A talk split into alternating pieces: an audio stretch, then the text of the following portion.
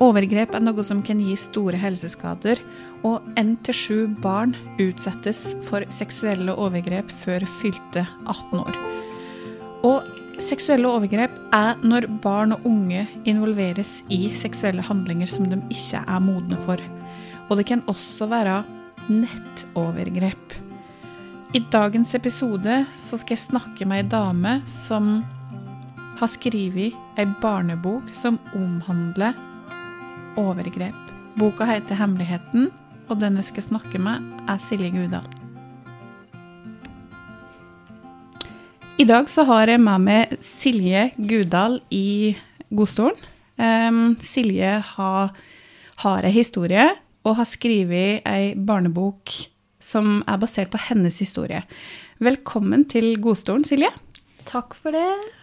Veldig hyggelig at du hadde lyst til å komme i denne podkasten. Det var veldig hyggelig at du ville ha meg med. Ja, Ja, så, Så jeg kan prate litt om boka og ja, meg, og forhåpentligvis kunne hjelpe noen ja, bitte litt. ikke sant? Ja. Men eh, hvem er Silje? Eh, ja, jeg heter Silje Gudal, eh, er fra Brumunddal. Eh, og delvis Nes, eh, for noen som kjenner til det. Eh, andre sida av Mjøsa. Eh, men jeg bor i Oslo og har bodd der en del år. Eh, jobber som trener. Har gjort det i åtte år nå. Så jeg trener bedrifter. Reiser rundt i bedrifter og har Ja. treningsøkter for dem. Ja. Eh, og så har jeg datter som er snart fem år. ja. Begynner å bli stor. Ja, og så har jeg en kjæreste i Brumunddal som jeg gikk på barneskolen med. Ja. ja. ja. Men så koselig, da. Mm. Er det, bor dere sammen i Oslo, eller? Eh, nå er, bor eh, jeg i Oslo og han i Brumunddal. Ja. Så Litt sånn pendling. litt pendling. Ja. God gammeldags pendling. Ikke sant? ja. Ja. Eh, Du har jo ei historie. Eh, Det har jo stått om det i Ringsaker Blad, og du har vært på NRK Innlandet på radio. Eh, Vil du fortelle Først så er det jo det at du skriver, har skrevet ei bok som kommer ut nå snart. ja. Eh, 16. september. Den er på vei nå, har jeg fått melding om. Så Ja. den er jo rett rundt hjørnet. Ja. Mm. Hva handler den boka om? Eh, den er jo Det er en barnebok Mhm. eh, basert på oppveksten min. Eh, veldig mye av det er sant, Ja. men det er òg delvis fiksjon. For det eh, Jeg ville endre på slutten, da, sånn at den ikke ble eh, som min slutt. Ja. Det hørtes veldig dramatisk ut. Ja. Men eh, eh, ja, den handler om overgrep. Eh, jeg fortalte jo ikke om overgrepa før jeg var voksen. Nei. Eh, og det ville jeg endre på i boka, sånn at hun jenta her fortalte om det når hun var i det. Ja. Eh, og derfor er det da en delvis eh, fiksjon. Men det er veldig mye som er basert på mine opplevelser, da. Ja, for jeg har jo fått lese boka, og den er ganske sterk, syns jeg.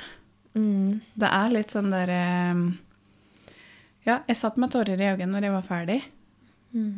Så, men også veldig viktig. Det er et kjempeviktig tema som vi trenger å snakke om. Ja, jeg mener jo det, da. At Ja. eh, vi trenger å prate om det. Og jeg har forståelse for at veldig mange syns det er fryktelig vanskelig. Eh, å både prate om det med andre voksne, men òg prate om det med unger.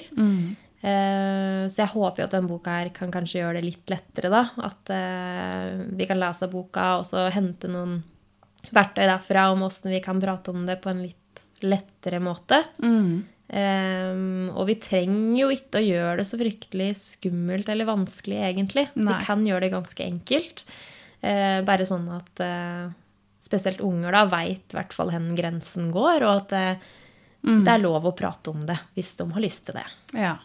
Jeg har vært veldig tydelig på, um, på mine unger at din kropp er din kropp, og den har ingen lov til å, å gjøre noe som ikke du vil med. Altså, din kropp har ikke andre lov til å ta på hvis ikke du vil det. Altså mamma og pappa eh, og tanter og onkler og familie, når de skal stelle det, tørke det og sånne ting, har lov.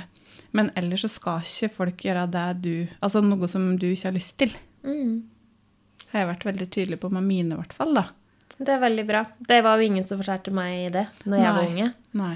Eh, og det er nok derfor òg at jeg ikke fortalte om det. For det han som forgrep seg på meg, da, han sa jo at eh, det var helt normalt. Ja, ikke sant? Og når du er barn, så tror du jo at det er normalt. Tror det, altså. Ja. Når han, har, eh, er lojal, og han har tillit til den eh, personen som står en nær. Ja. Så ja, jeg trodde det var normalt. Eh, samtidig som jeg fikk jo beskjed om å ikke si noe, så det var jo motsigende beskjed sånn sett. Mm. Men som en unge så blir det for komplisert tankegang. ja. Eh, så det kobla jo ikke jeg på den måten. Nei. Så det tok jo mange år før jeg begynte å se at det var annerledes i andre hjem. da. Eh, at stemninga var litt annerledes, og jeg begynte å stille litt spørsmål hvem det jeg opplevde egentlig var normalt. Mm. Det tok ganske mange år før jeg begynte å tenke det. Ja. Hvor gammel tror du du var før du begynte å tenke Altså, overgrepa begynte da jeg var rundt seks. Ja. Eh, så det var Når jeg var elleve, snart skulle fylle tolv, så sa jeg til mamma at nå Hvis ikke vi flyttet herfra, så flytter jeg. Ja. Eh, så det var jo litt før det eh, at begynte å at det begynte å skje noe oppi huet mitt, da, og litt tanker om eh, det som skjedde. Ja. Og jeg husker liksom at jeg tenkte at er det sånn her livet skal være? Ja. For jeg syns at det var så dritt. ja, det skjønner jeg det. ja. Ja. Mm. For em, jeg tenker jo boka er jo Har du på en måte noen tanker rundt hvilke alders eh, Hvilke alder det på en måte er laga for? Hvem tenker du er leserne dine, da? Ja. Um, jeg og forlaget har vært enige om ni til tolv år. At eh, de skal kanskje klare å lese den på egen hånd. Eh, hvis de syns den er eh, skummel og krevende, så for all del les den sammen med en voksen. Ja. Eh, men vi mener jo at den kan passe for yngre unger så lenge det er høytlesning da, fra Ja. en voksen. Ja. Eh, og at den kan åpne til diskusjon, stille spørsmål eh, og ja, prate om det som står der. Det er òg veldig fine bilder, så det går jo an å velge ut deler fra boka som man tenker at dette, dette kan jeg bruke for Mm. Å prate med ungen min om eh, overgrep. Ikke sant? En kan bruke det som et verktøy. En trenger ikke lese hele boka heller. Finne deler som føler at den passer, og jo eldre ungen blir, så kan den jo da velge ut mer og mer da, fra boka. Mm. Men jeg håper at den kan være en fin eh, bok for voksne, for lærere, folk som jobber som Absolutt. psykologer. Ja. Eh, at den ja, skal funke for mange, da. Ja, for det er jo, det er jo skrevet eh, en del bøker om både sånn overgrep og sånn, men det går så veldig sånn i detalj og djupt og er forferdelig å lese, ikke sant? Denne der boka der syns jeg var litt sånn Det var veldig greit å lese den. Det var litt sånn Jeg fikk et helhetlig bilde på det, jeg fikk en forståelse, men samtidig også, som jeg sa, jeg ble veldig trist da på slutten. Eh, men det er fordi at det, det rører noe ved det, ikke sant? Når du har unger sjøl, så rører det jo ved noe. Ja, altså jeg har prøvd å skrive på en måte at eh, det skal ikke være for groteskt. eh, for det skal jo passe for alle. Ja. Eh, samtidig som at du skal få en forståelse av at eh, det er sånn det er, eller sånn det kan oppleves for en unge å bo i et sånt hjem. Da. Ja. Så jeg prøvde å bruke mye av de tankene og følelsene som jeg hadde, for å vise at eh, litt hva som går gjennom huet, da. Eh, Kanskje hvorfor jeg ikke fortalte om det. Kanskje folk får litt mer forståelse for det. For jeg skjønner at det er veldig vanskelig å skjønne Ja. utad, men hvorfor fortalte du det bare ikke? Ja. Så jeg håper at den boka kan kanskje gi litt mer forståelse for det, da, hvorfor det er så vanskelig. Ja, og så er det jo kanskje mange som bruker litt sånn derre eh, At det blir litt sånn gaslighting, at dette er vår lille hemmelighet, dette er vår fine stund. Eh, og, og den der at du, du tror, som, som vi sa, da, at du tror det er helt normalt, at det er sånn det skal være. da. Mm. Og ja, forgripere bruker jo forskjellige altså, unnskyldninger eller forklaringer ja. på hvorfor det skjer. Eh, Så det kan jo variere. Mm. Men for min del så var det jo Han var en skummel mann, da. Ja. Eh, Så det var jo Her var det jo liksom fysisk og psykisk vold òg, så det var jo Det var på en måte uttrykt hjem hele tida. ja. Um, Men var han også fysisk mot eh, mammaen din? eh, ja, det var eh, vold. Ja. eh, mot mamma og vold mot søstera mi, for jeg har søster, da. Ja, ok. Eh, men det var eh, den overgrepet da, skjedde mot meg, da. Ja. Men eh, det var jo et uh, utrygt hjem for oss alle. Det skjønner jeg. I boka så har denne mannen et kallenavn. Ja. Vil du si litt om bakgrunnen for hvorfor du fant det kallenavnet? Altså, jeg, jeg som vet det, forstår det. Eh, det er litt forskjellig. Jeg husker da jeg gikk på videregående, så hadde jeg aldri fortalt om dette her til noen, men det var en lærer av meg da, som skjønte at jeg ikke hadde det helt bra. Ja. Så hun tok meg til sides, og så bare åpna jeg meg sånn veldig, veldig lite. Eh, men nok til å si at jeg hadde en stefar som ikke hadde vært så grei, da. Mm. Eh, og da ville jeg liksom at jeg skulle forklare åssen dyr han var. Å ja. Det var, det var dramalærer, da. Jeg gikk på drama. Okay, mening. Og det er noe som på en måte henger litt ved meg. Det der med åssen dyr noen er. Ja. Eh, som unge så kan du ofte tenke deg liksom åssen dyr du hadde vært. og, eh, det er på en måte noe som går gjennom huet ditt en del. Ja. Eh, men som voksen så gjør jo ikke det så mye. Men jeg tenkte at hun her er jo da en unge i boka.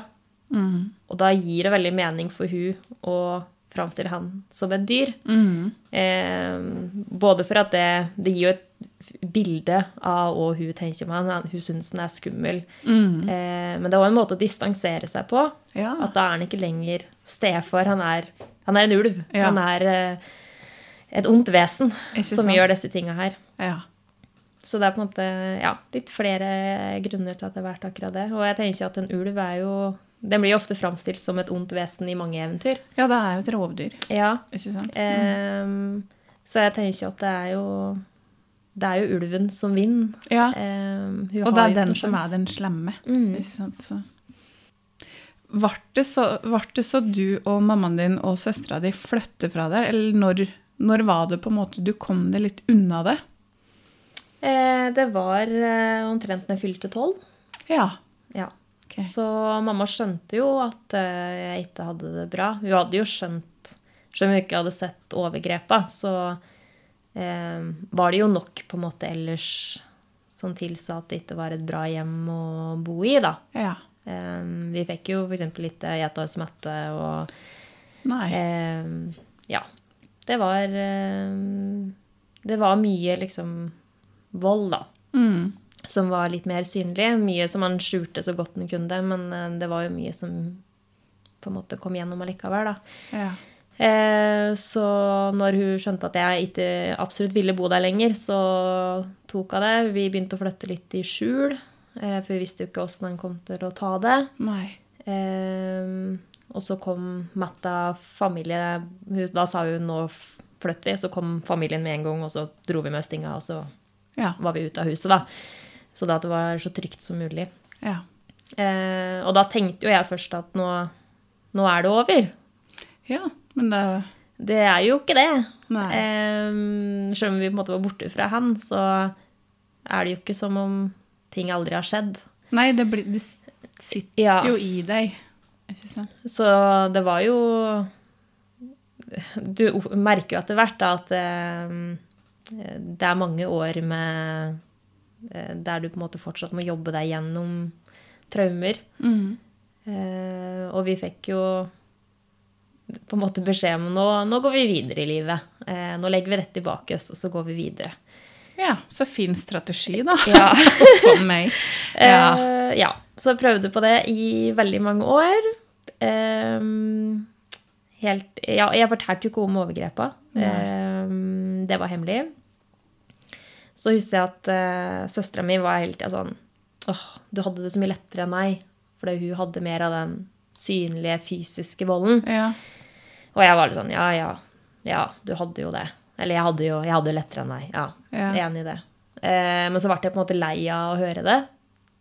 Eh, så når jeg var 18, så fortalte jeg hun at ja, jeg opplevde overgrep òg da. Mm.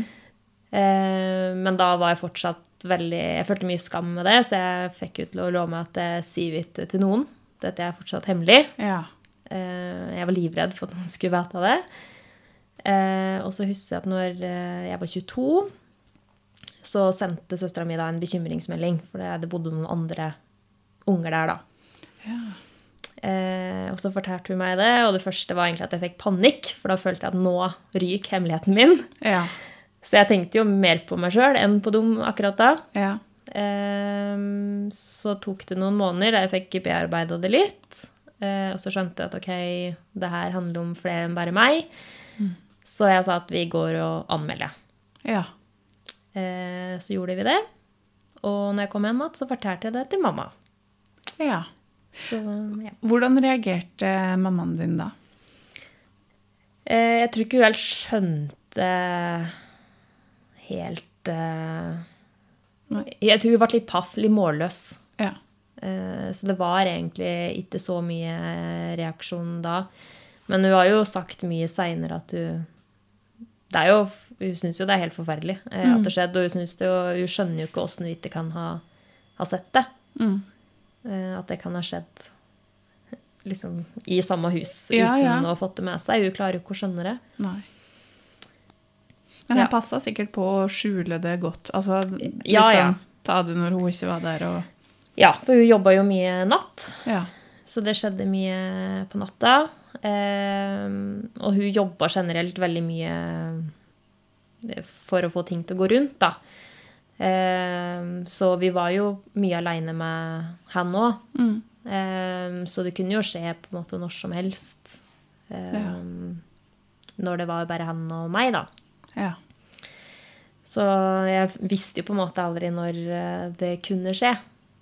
Fikk du noe sånn forvarsel? Var det på en måte at det var noen ganger også veldig snill, på en måte? Eller? Ja. Ja. Og det er det som var at vi, vi prøvde alt vi kunne å få den snille versjonen. Ja, ok. For det, den snille versjonen er så ekstremt snill. Mm.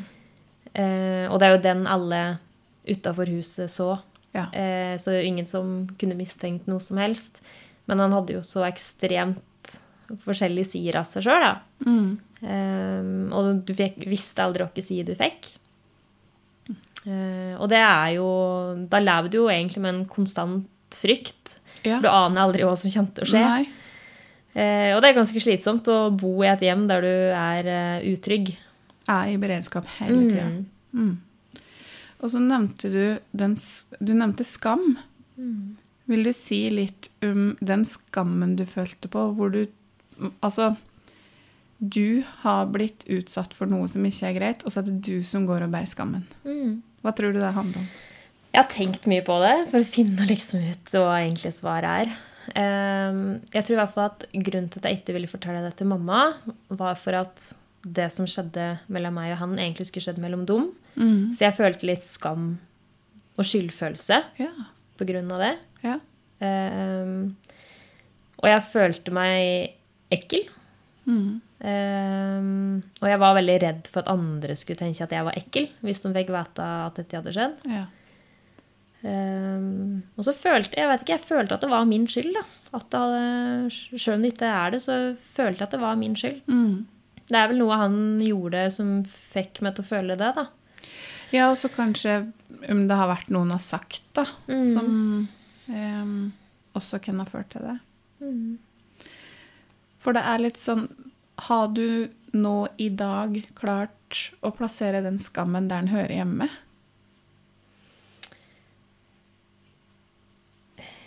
Jeg vet, Det er jo han som må skamme seg, da. Ja. på en måte. At du ikke går og kjenner på den skammen, men at du har klart å forstå at det er hans. Ja. Det er hen som har gjort noe galt. Dette er ikke mitt. Ta det tilbake sjøl. ja.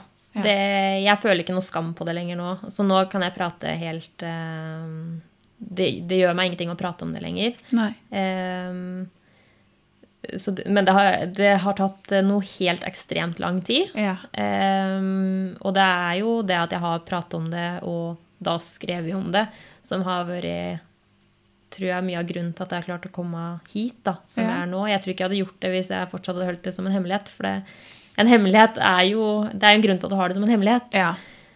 Ja. Det er jo det. Men hvordan har du um, jobba med det sjøl i etterkant? Eh, nei, jeg har jo jobba egentlig bare med meg sjøl, sånn meg mot meg. Ja. eh, men eh, for et par år siden så gikk jeg da til eh, psykolog, fordi jeg kjente at eh, nå kommer jeg ikke lenger på egen hånd. Eh, skal jeg klare å legge dette bak meg og gå videre? Eh, og akseptere det. Det er egentlig det vært vanskeligst å akseptere at det har skjedd. Eh, så trengte jeg litt hjelp, da. Ja. Så jeg var da psykolog i et par år. Men jeg har eh, kommet dit at jeg føler at jeg ikke trenger det lenger nå. Mm. Så får en jo se i framtida. Mm.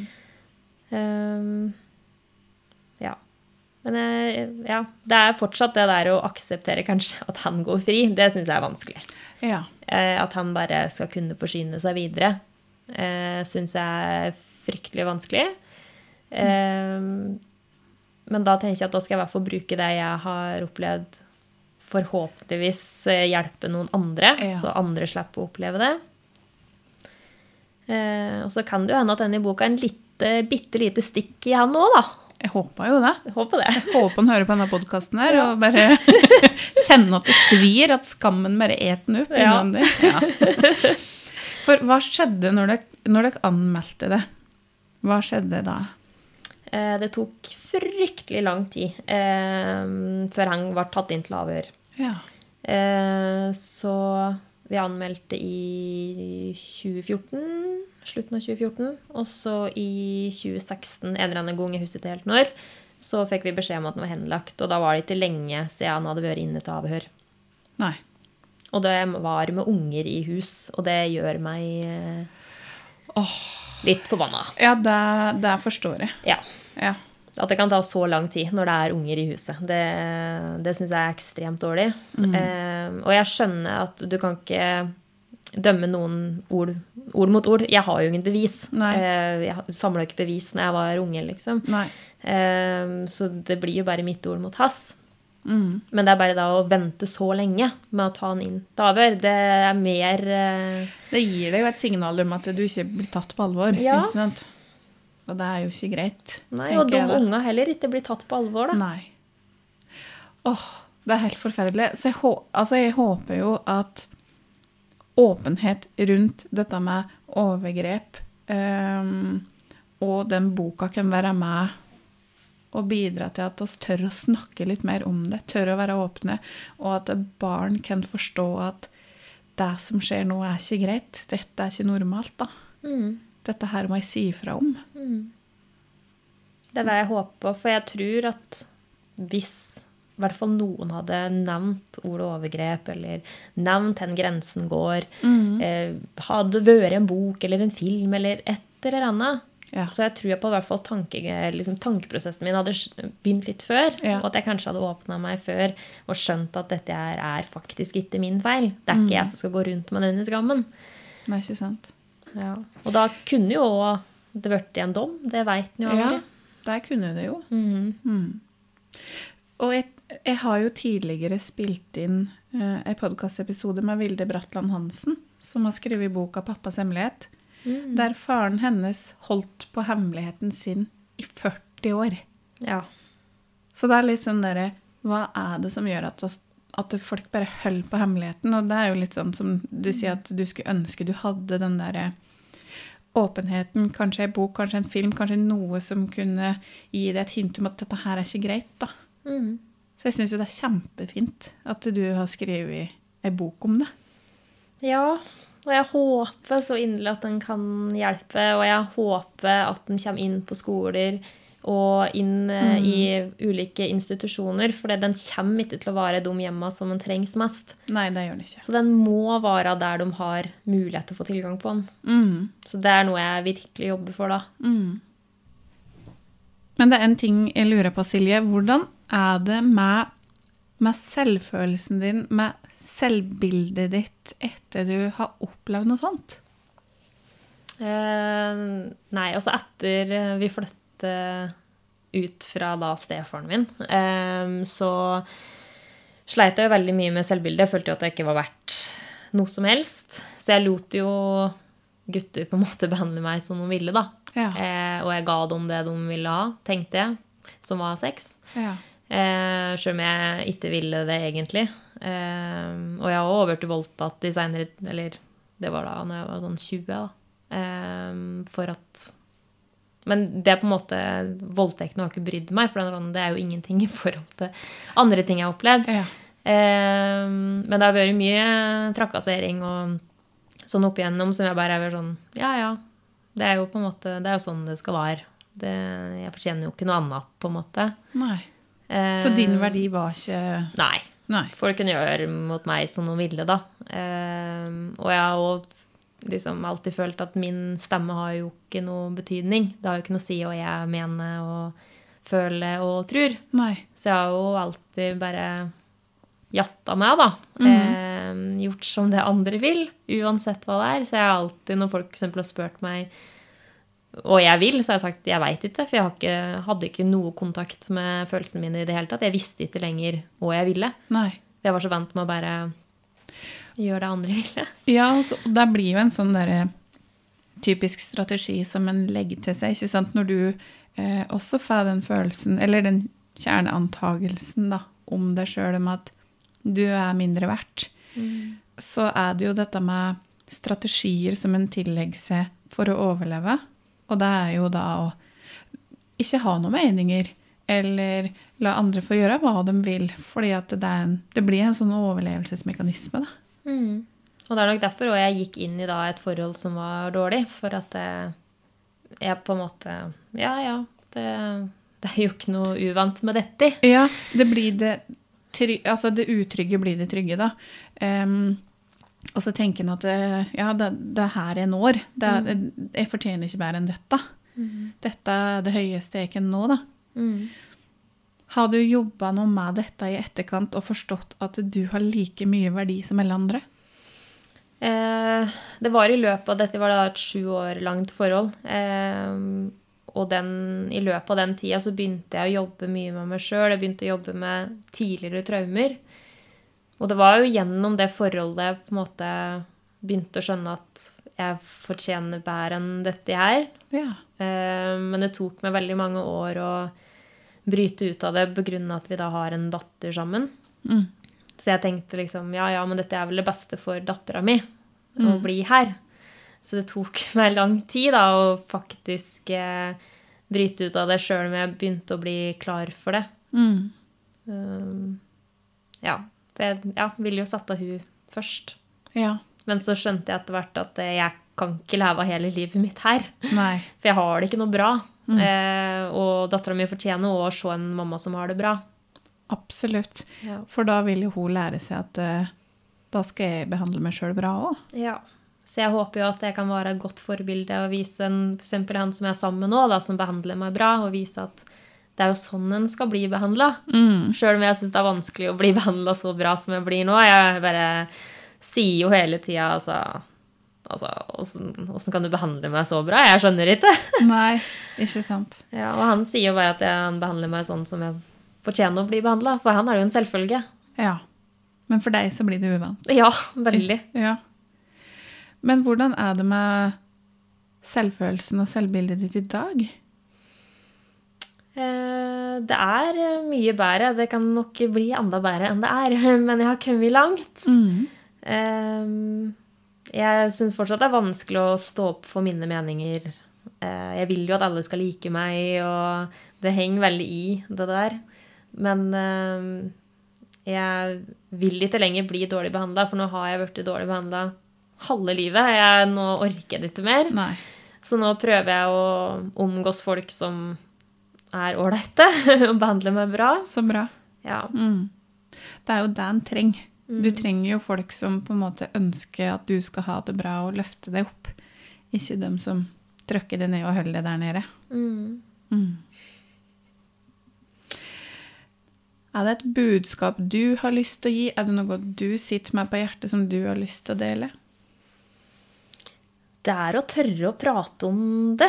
Uansett egentlig om det er om overgrep eller andre vanskelige temaer. Bare tørre å prate om det. Det er så mye bedre å ha disse ubehagelige samtalene Ja. enn at eh, det ubehagelige skal skje.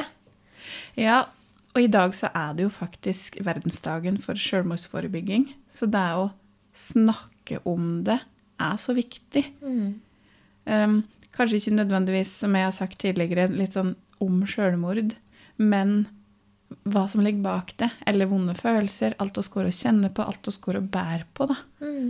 Kanskje bare dele ut litt og litt innimellom, så det ikke skal hopes opp. Og at vi må være flinke til å stille spørsmål til hverandre. Mm.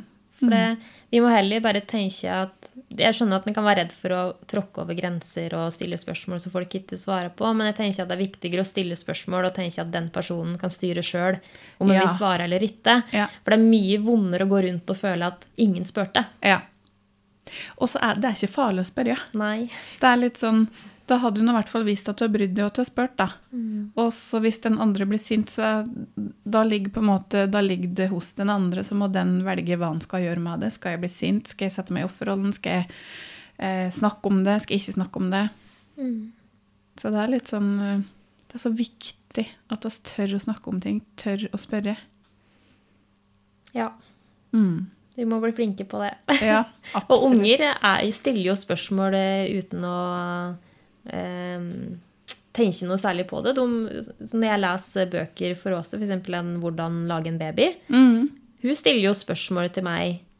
Alle mulige slags eh, spørsmål. Jeg syns noe er litt kleint å svare på, Ja. men jeg svarer jo på det for at hun er jo interessert i å vite svaret. Ja. Det er jo vi som syns at ting er kleint. Unge gjør jo ikke det. Nei, de kjenner jo ikke på den skammen, men det er vi som påfører den, den skammen da. Mm. Mer og mer og mer i løpet av livet, ikke sant? Så har de også den skammen når de er voksne. Og det er litt sånn um, Du får veldig mye ærlighet fra unger, da.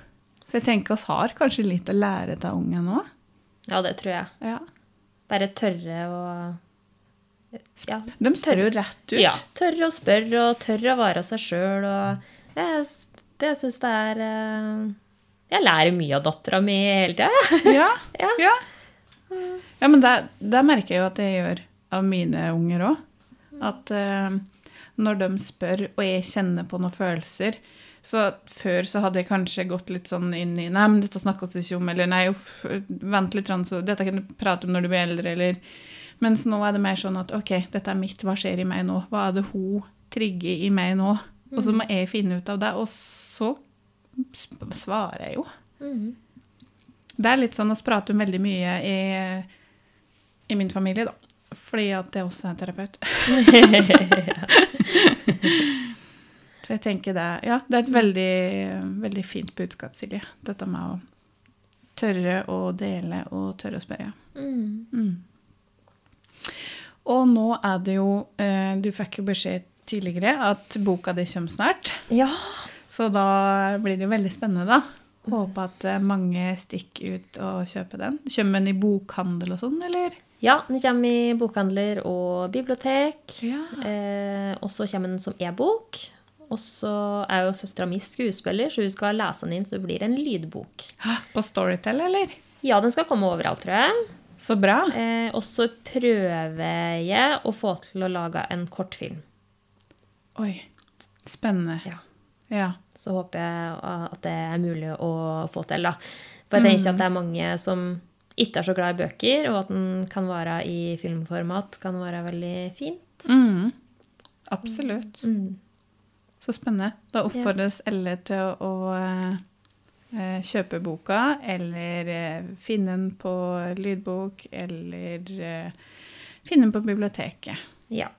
Mm. Hva heter boka? Hemmeligheten. Hemmeligheten. Mhm. Ja, det kunne Ja. Ja. Det ligger jo veldig i ordet. ja. Mm. Uh, ja. Så jeg anbefaler virkelig å enten kjøpe den eller leie inn på biblioteket og lese igjennom den og få litt uh, verktøy til hvordan vi kan eh, prate litt med andre voksne og unger om dette Ja. Og som du sa, også kanskje litt sånn fagfolk kunne brukt den. Eh, Jeg tenker sånn som de som jobber med barn, psykisk helse og barn, helsesøstre, BUP, kunne hatt nytte av å ha den boka for å kunne snakke om sånne ting på en bedre måte enn kanskje de ville gjort ellers, da. Mm. Og jeg har prata med en del fagfolk allerede som har valgt å kjøpe den inn. Ja. eh, For de ser viktigheten av den. da. Ikke sant? Så ja, jeg håper at eh, ordet sprer seg, eh, og at de ser nyttigheten av boka, og at den kan brukes, da. Jeg legger ved linken til hvor de på en måte kan finne boka i podkasten. Så da kan dere gå inn og se på der jeg skriver litt om eh, episoden. Så ligger det nederst der hvor de kan finne både boka og deg på sosiale medier. da. Fint. Yes. Tusen takk, Silje, for at du hadde lyst til å være med og dele din historie. Tusen takk for at du ville ha med meg. Ja. Ha det. Ha det.